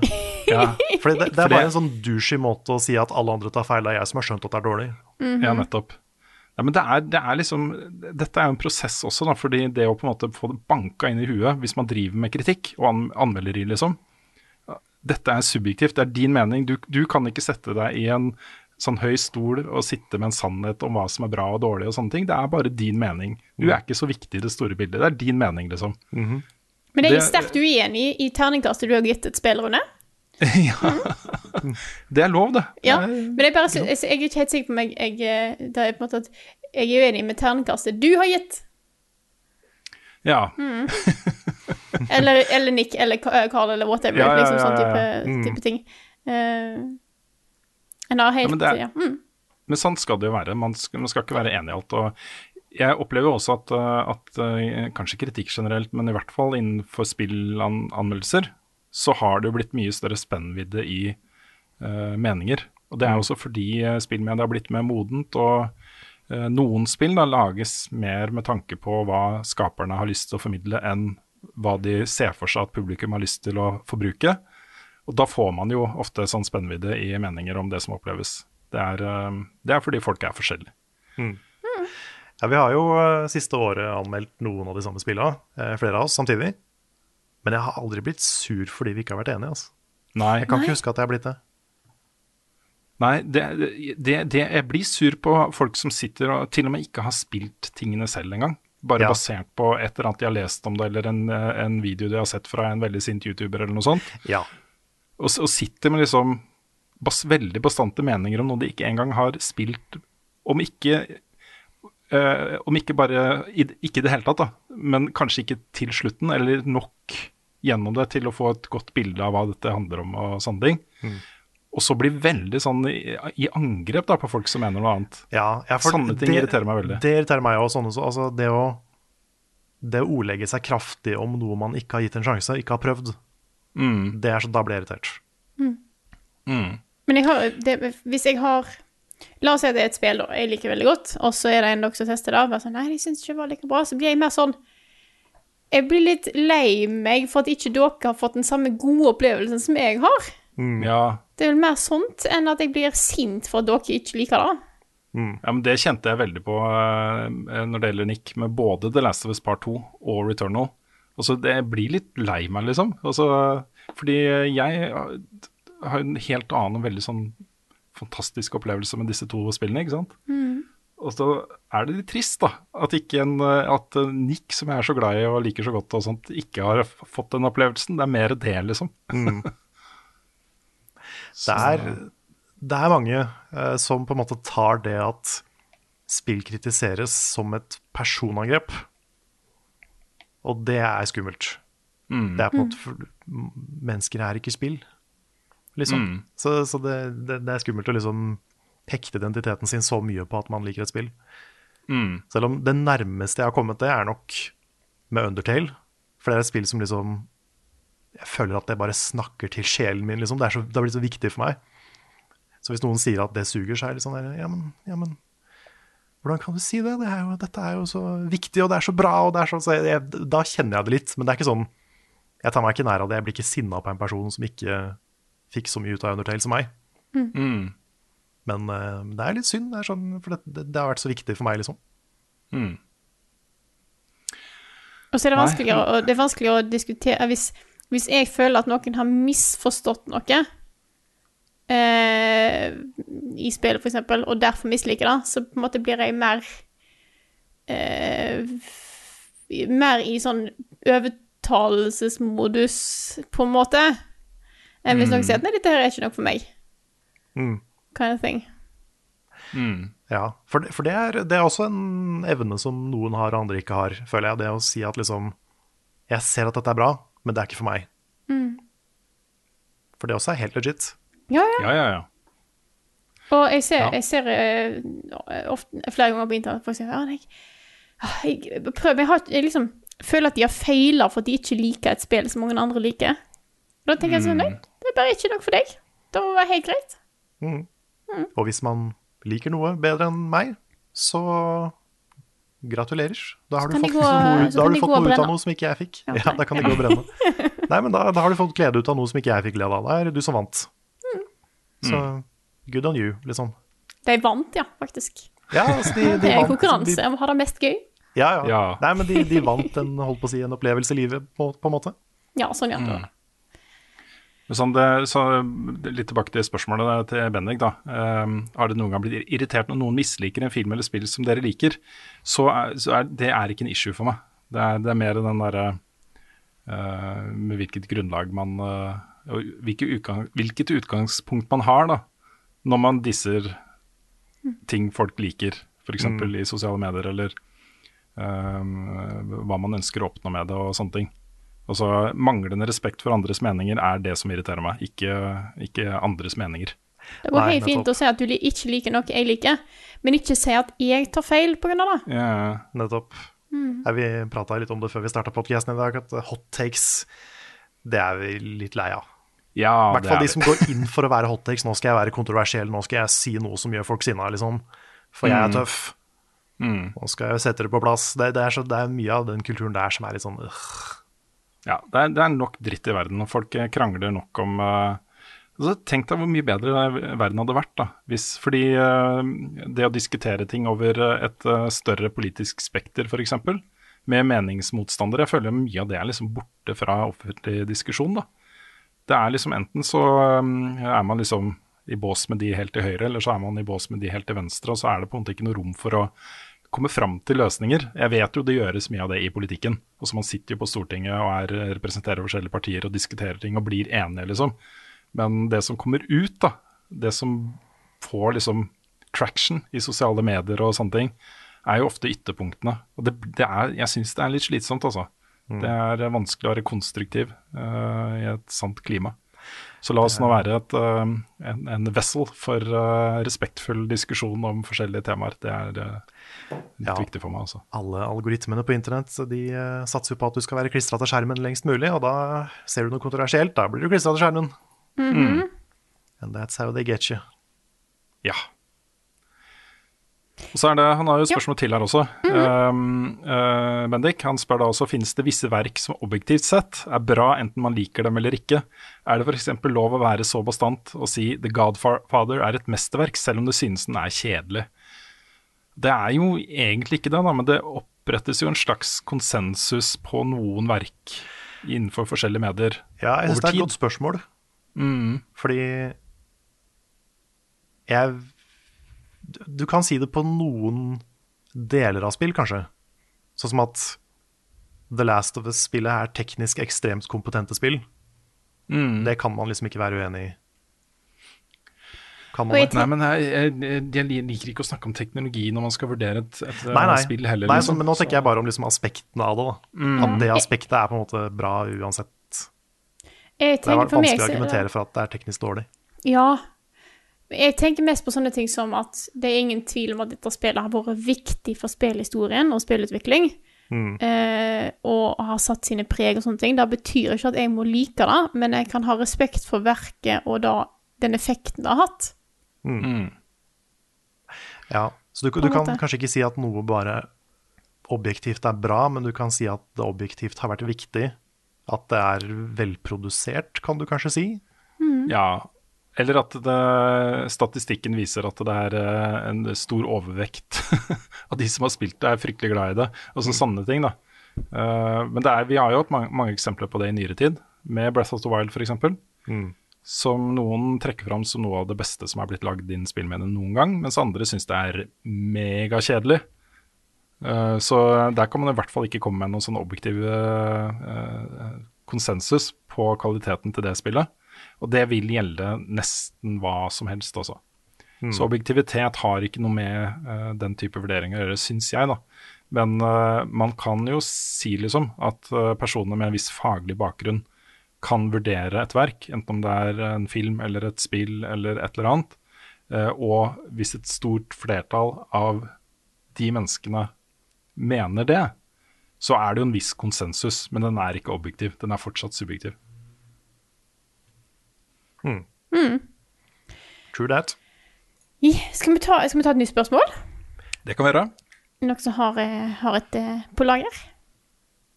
Jeg kan ta et her fra ehm, skal vi se, Curling Petter. Det, dette Ja. er et spørsmål jeg får ganske ofte. Um, og Curling Petter er født på starten av 80-tallet uh, og er glad i å spille. Um, så har eh, han da en datter, Uh, skal vi se. Han har to barn, den eldste, eller flere, i hvert fall flere. Den eldste er to og et halvt år, og hun er særs interessert i hva jeg spiller. Nå ber hun om å, å se på apen, som hun sier, Donkey Kong Country, men det er for vanskelig å styre. Eh, Jeg ønsker at hun skal få muligheten til å oppdage og skape sine egne minner med spill. Spørsmålet er når og hvordan syns dere jeg skal introdusere dette? Er det noen gode tips til hvilke spill jeg kan introdusere for henne? Tenker ho- hovedsakelig på Switch. Eh, Naturligvis er mobil og nettbrett lett tilgjengelig for spilling, men vi ønsker ikke at disse skal assosieres med det enda. Jeg kjenner meg så igjen i de tankene her. Mm. Og det var mye av grunnen til at den første spillmaskinen min førstefødte fikk, var jo en eh, NES Classic og Ja. en monitor. For jeg, jeg tenkte, I hodet mitt var det sånn Å, tenk om hun kunne få liksom litt den samme starten på spill som jeg hadde. Og så, det var noe vakkert i det, da. Men det jeg fant ut ganske fort, var at den utviklingen der, den styrer de selv. Det er eh, Man kan nudge de liksom i en retning. Uh, men på et eller annet eh, punkt så kommer de til å få en venn som spiller, eller de kommer til å oppdage et spill som de har lyst til å spille selv, og så, så er de i gang, da. Eh, Og den prosessen starter i sånn fire-femårsalderen. Det, er det er da de begynner å bli liksom mekanisk, fingermessig eh, i stand til å spille litt mer kompliserte ting. Og da er det gjerne sånne ting som Minecraft og eh, Super Mario og eh, Mario Kart og den type spill da, som eh, er naturlig å starte med der. Så Ja. Ja. Jeg tenker liksom 2D-plattform er kanskje det letteste å starte med, mm, men eh, det baserer jeg mest på at, jeg, det, var jeg som, at det var det jeg starta med. Mm, Men jeg, vil jo òg kommentere det, du, eh, det han sier med at han vil at uh, skal få, eller få sine egne eh, gode minner med spill. Og jeg vil bare si at da å eh, Jeg klarer ikke å huske hva som var det første spillet jeg spilte sjøl, men jeg har mye minner fra at jeg så at far min spilte. mm. Og da kan jeg huske som veldig kjære ting. Så, så ikke nødvendigvis undervurder det heller, altså. For det at, det at hun ser på deg, blir kanskje noe hun føler hun gjør sammen med deg likevel. Ja, det er helt sant. Og det er jo på en måte litt sånn mine barn ble introdusert skikkelig for spillene også. Det var jo at vi satte oss ned, oss tre, da, sammen og spilte Minecraft. Uh, og så uh, Breath of the Wild spilte vi gjennom sammen. Og Super Mario Odyssey spilte vi gjennom sammen. Og da var det stort sett jeg som holdt kontrolleren. Og for hvert nye spill vi spilte sammen, så ble de litt mer modige på å ta kontrolleren selv. Og så begynte jo særlig sønnen min da, å se på liksom YouTube-serier fra Minecraft, for han syntes det var veldig spennende og sånt. Lærte seg masse tips og triks, og så begynte han å spille selv. Og så Han er jo mye flinkere enn meg i Minecraft nå. Mye flinkere. Uh, og hvis du først kommer inn i ett spill, så utvikler den spillinteressen seg veldig sånn organisk, basert på hva vennene spiller og hva som er populært akkurat nå. Og, og sånne ting. Og jeg har prøvd å nudge det inn på Destiny og sånne ting, men det er liksom Fortnite og andre ting da, som er mer tiltrekkende. da. Så um, vi, eh, vi har jo spilt litt sammen fortsatt. Vi spilte jo uh, New Pokémon Snap sammen, sønnen min og meg. Vi har spilt andre ting også opp igjennom, og det er, det er jo kjempekoselig. da. Men um, eh, på et punkt så, så vil de ta kontroll over den interessen selv, da. Så um, da handler det jo bare om å være til stede, liksom. Følge med litt med på hva de spiller, og ta standpunkt til hva slags uh, innhold de får lov til å få bruke der, og sånne ting. Hvilke sinte youtubere du begynner å følge og Nettopp. Nettopp. jeg er veldig opptatt av det. Jeg har sittet og alle de seriene du begynner å se på Jeg, jeg ser på det, jeg også, i starten i hvert fall. For å vite hva, hva det er. Mm. Det er ganske viktig å følge med også. Vi har også lagd en lang serie, lang seks episoder, som heter Spillskolen, hvor vi går gjennom en del sånne spørsmål. da. Eh, og det er jo den type spørsmål som jeg har fått fra Curling Petter her, som var inspirasjonen til å lage den serien. Um, særlig etter at jeg ble far selv, så har jeg fått veldig mange av den type spørsmål, som går på alt fra hvordan man setter opp en barnekonto til eh, hva slags innhold man får, forbruke, og hvor mye tid de får lov til å holde på med dette her, og sånne ting. da. Så det er ingen fasitsvar her, men eh, det er på en måte basert på eh, mine erfaringer, da, mye. Så um, jeg forstår den derre interessen av å, egeninteressen av å gjøre Uh, Introdusere kvalitetsspillopplevelse til barna sine. Det, den har jeg kjent på selv, altså. jeg vil gjerne at de skal komme dit. Ja, har du lyst til å ta et spørsmål, Karl? Det kan jeg gjøre. Skal vi se, jeg hadde et her. Eh, Det er fra Niklas Krausetsve. Som spør hvordan ligger du an med dusjtankene, Carl? En stund siden sist vi hørte dem. Jeg hadde faktisk en i dag, derfor tenkte jeg å ta spørsmålet. Å, Kan fisk bli forkjøla? Og hva, hvordan ser det ut i så fall? For de får, jo- Eh. de får jo rensa med saltvann hele tida. ja. Så det kan jo ikke, det kan jo ikke bli Ja, De kan, blir kanskje ikke tett i nesa, nei. Men Nei. det kan hende at de får forkjølelsessymptomer Ja, at de blir liksom tett i halsen og sånn. Jeg vet ikke om du har så mye influensa-forkjølelsesvirus som, som smitter til fisk. Det vet jeg ikke. Men Nei. Kan, kan sånne virus leve under vann? det er det jeg ikke vet. Men det jeg kan Nei. si, er at det fins en del enkle dette, Her er det akvariefrida som kommer inn, vet du. Eh, det fins en del vanlige sykdommer hos fisk, og spesielt akvariefisk, som en på en måte regner som forkjølelse hos fisk. På en måte fordi at det er såpass enkle, lette sykdommer. Selv om det ikke er forkjølelse, da er det snakk om hovedsakelig en parasitt som, er, som, er, som bor i de. Eh, hvit prikksykdom, som en ofte omtaler da, som at ja, det er bare på en måte en slags forkjølelseaktig ting hos fisk, for det er så lett å fikse. Men eh, jeg har aldri vært borti forkjølelse hos fisk, nei. Nei. Men jeg vet jo det er ganske vanlig blant hvaler, da. For du ser jo liksom når, når de nyser, så Ja. kommer det jo fra nesa ut sånn stor strøm av snørr opp i ja, været. ja, ja, ja. Ja, ja, ja. Fra den nesa på ryggen. Ikke minst, så når de nyser, så kommer jo Pinocchio og Geppetto ut. Ja, det Ah, også. Det er nok det som eh, er litt større virus, rett og slett. Ja. Mm. Så man må bare få de til å nyse fra innsiden, liksom, og så, og så skjer det. Mm. Så um, der svarte jeg for så vidt på spørsmålet sjøl. så, Ja. eh, så ja. Jeg tar, Kan jeg ta et spørsmål til? Før da, så jeg, jeg googla det. Eh, At virus kan påvirke fisk, men at det er ikke på en måte Det ser ikke ut som det er influensa og forkjølelsesvirus som dukker opp. I see. Kan jeg ta et spørsmål til? Ja. Det er fra Øystein Sørheim. Han spør har dere troa på at ny Pokémon Snap får enten gratis oppdateringer med flere Pokémon eller betalt DLC som legger til bane, en bane eller to? Eller må vi vente 20 år til på Pokémon Snap 3? Jeg håper det får post-launch support. For det er det perfekte spillet for å få sånne content updates. Bare gi en ekstra bane. Ja, Ja. ekstra bane med nye Pokémon. Det, det finnes jo 100 000 Pokémon å, å velge mellom. Plutselig oppdager de en ny øy. Ja, sant. Det, det er så mye potensial for DLC her, så det håper jeg de, de tar. Eller at de eventuelt lager et nytt spill med en gang. Pokémon New Pokémon Snap 2.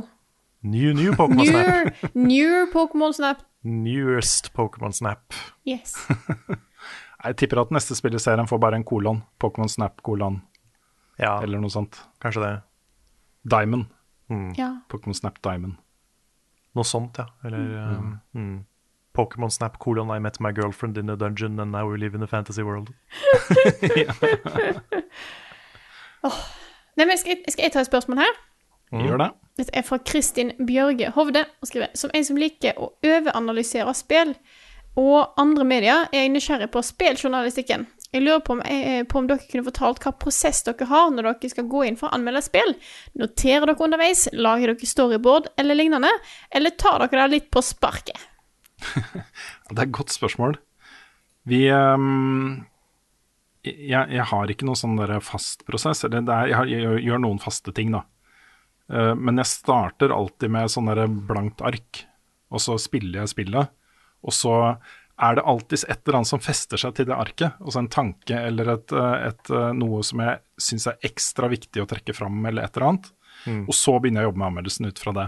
Eh, og det kan være en relasjon i spillet mellom to spillfigurer, det kan være uh, verdendesignet, det kan være hva som helst. Da. Men det, alle spill har liksom én ting som er mer fremtredende enn andre for meg personlig.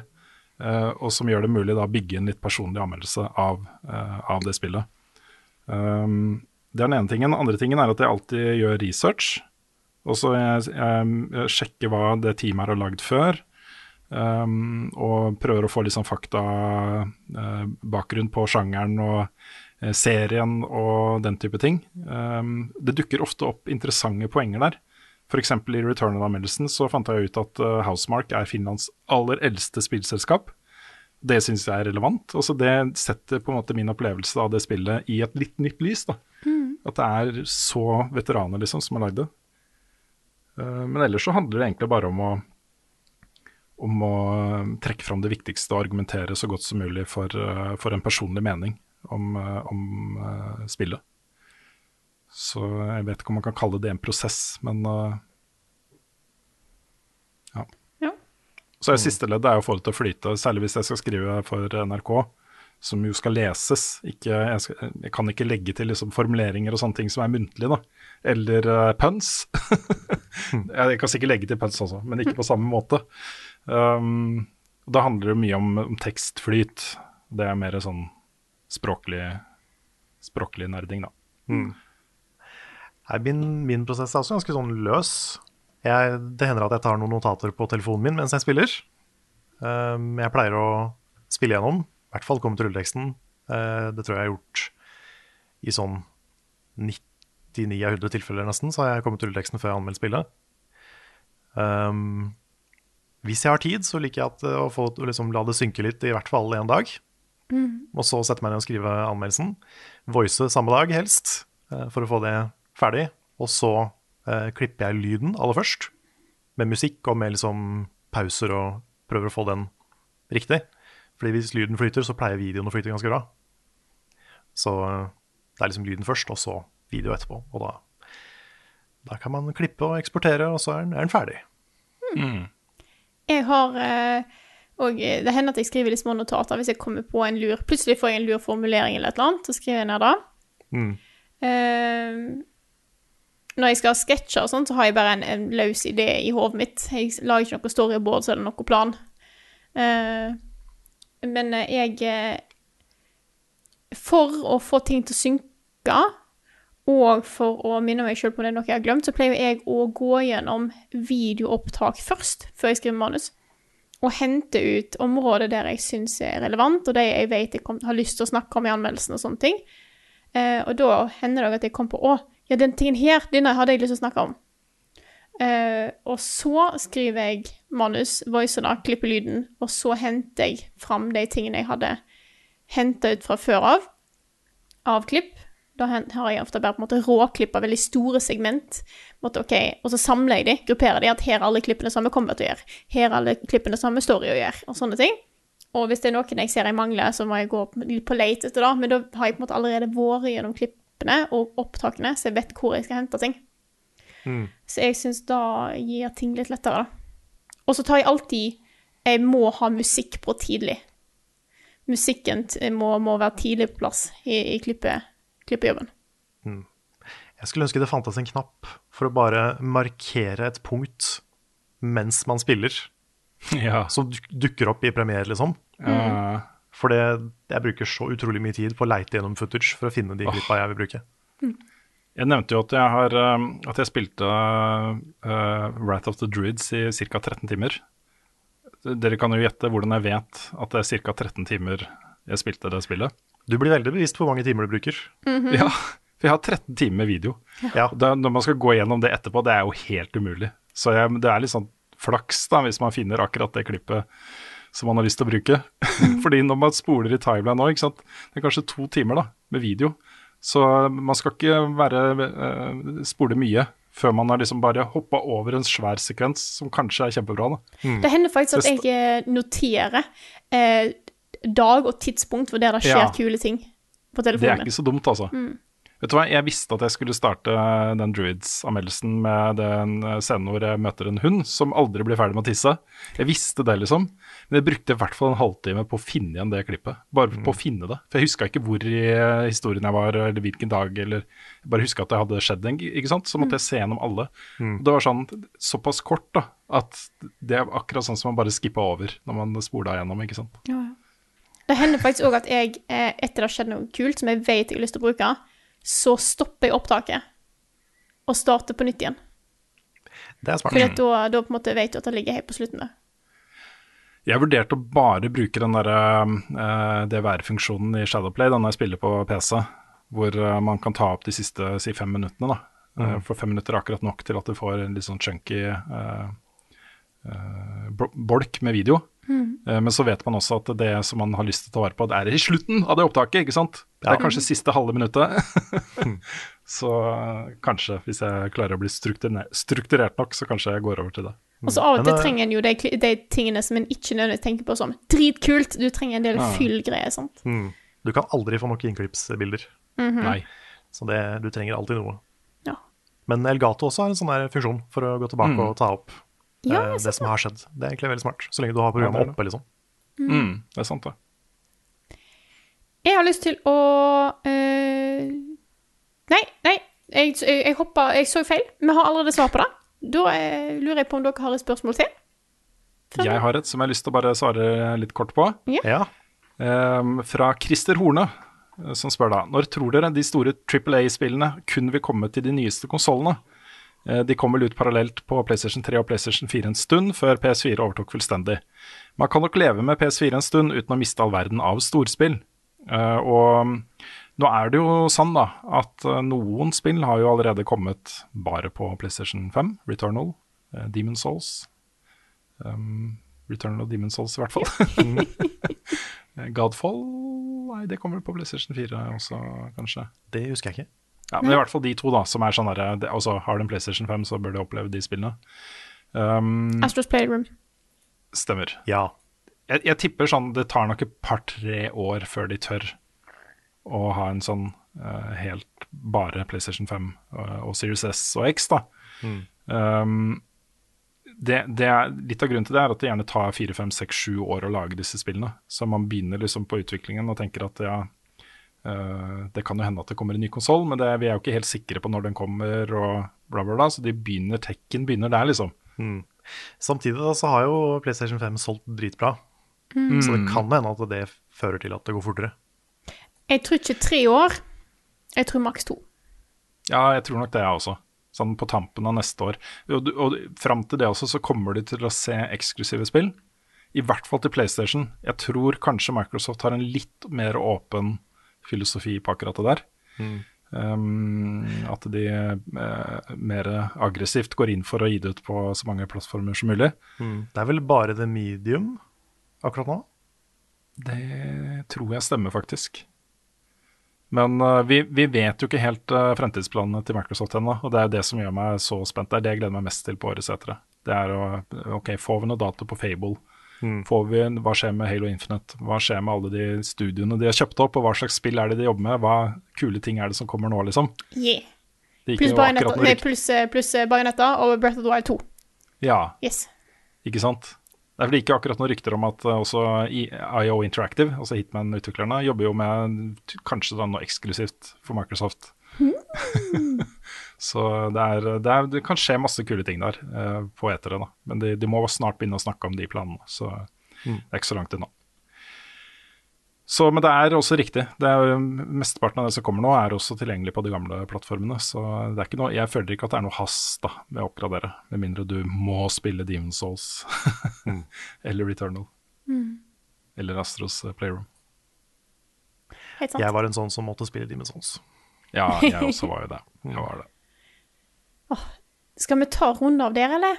Ja, men jeg må si en ting til. Ja, ja men det er Ja. greit. som er veldig relatert, fordi i starten, altså da disse nye konsollene ble lansert, så var det jo veldig sånn ymse, disse next gen-oppdateringene eller oppgraderingene til de forskjellige spillene. Men sånn som nå, da, i, i det siste, de tingene som har ramla inn, i sånn, da kunne jeg da velge å få review-kode av Wrath of the Druids i PlayStation 5 next gen-versjon, som har 4K, HDR og alle de tingene der, liksom. Det kommer til å bli, eh, og har allerede blitt, eh, litt normen. At det blir oftere lansert sammen med spillet. En versjon av spillet til de nye konsollene som er markant bedre teknisk enn eh, versjonene til de andre plattformene. Jepp, det var bare det jeg ville si. Ja. Mm. men det er good. Da, da runder vi av. Da runder vi av! Dette her er podkasten Level Backup, utgitt av moderne media. Låten i introen og outroen er skrevet av Ole Sønnik Larsen og arrangert og framført av Kyoshu Orkestra. Vignettene er lagd av fantastiske Martin Herfjord. Du finner mye mer innhold fra oss på youtube.com slash levelupnorge og levelupnord. Nord, Yes, og twitch.tv slash levelupnord. Og vi har en discord, discord.gg slash levelupnorge. Vi har en shop, shop.spreadshirt.no slash levelupnorge. Og der er det et fantastisk eh, design som, eh, som Nikke Nick eh, forrige podkast, og nå er det ute. Yep. Så ta check look der. Og så er det bare å gå inn på patreon.com slash levelupnorge og støtte oss der hvis du har lyst til det. Og hjelpe oss å fortsette å lage podkaster og videoer om spill. Ja. Så tusen takk til alle dere som allerede støtter oss der. Vi kunne ikke klart oss uten dere. Bra folk. Bra Det er dere. Og med det så sier jeg takk for oss. Takk for at du hørte på denne episoden her. Og så snakkes vi igjen neste uke.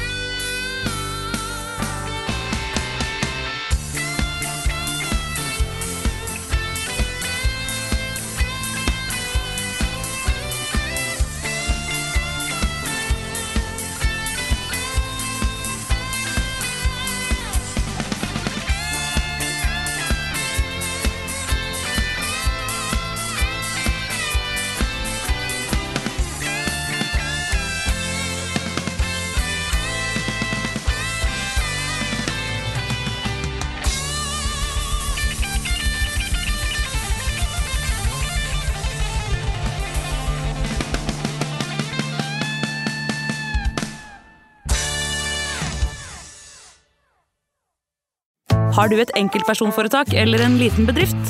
Da er du sikkert lei av å høre meg snakke om hvor enkelt det er med kvitteringer og bilag i fiken, så vi eh, gir oss her, vi. Fordi vi liker enkelt. Fiken superenkelt regnskap.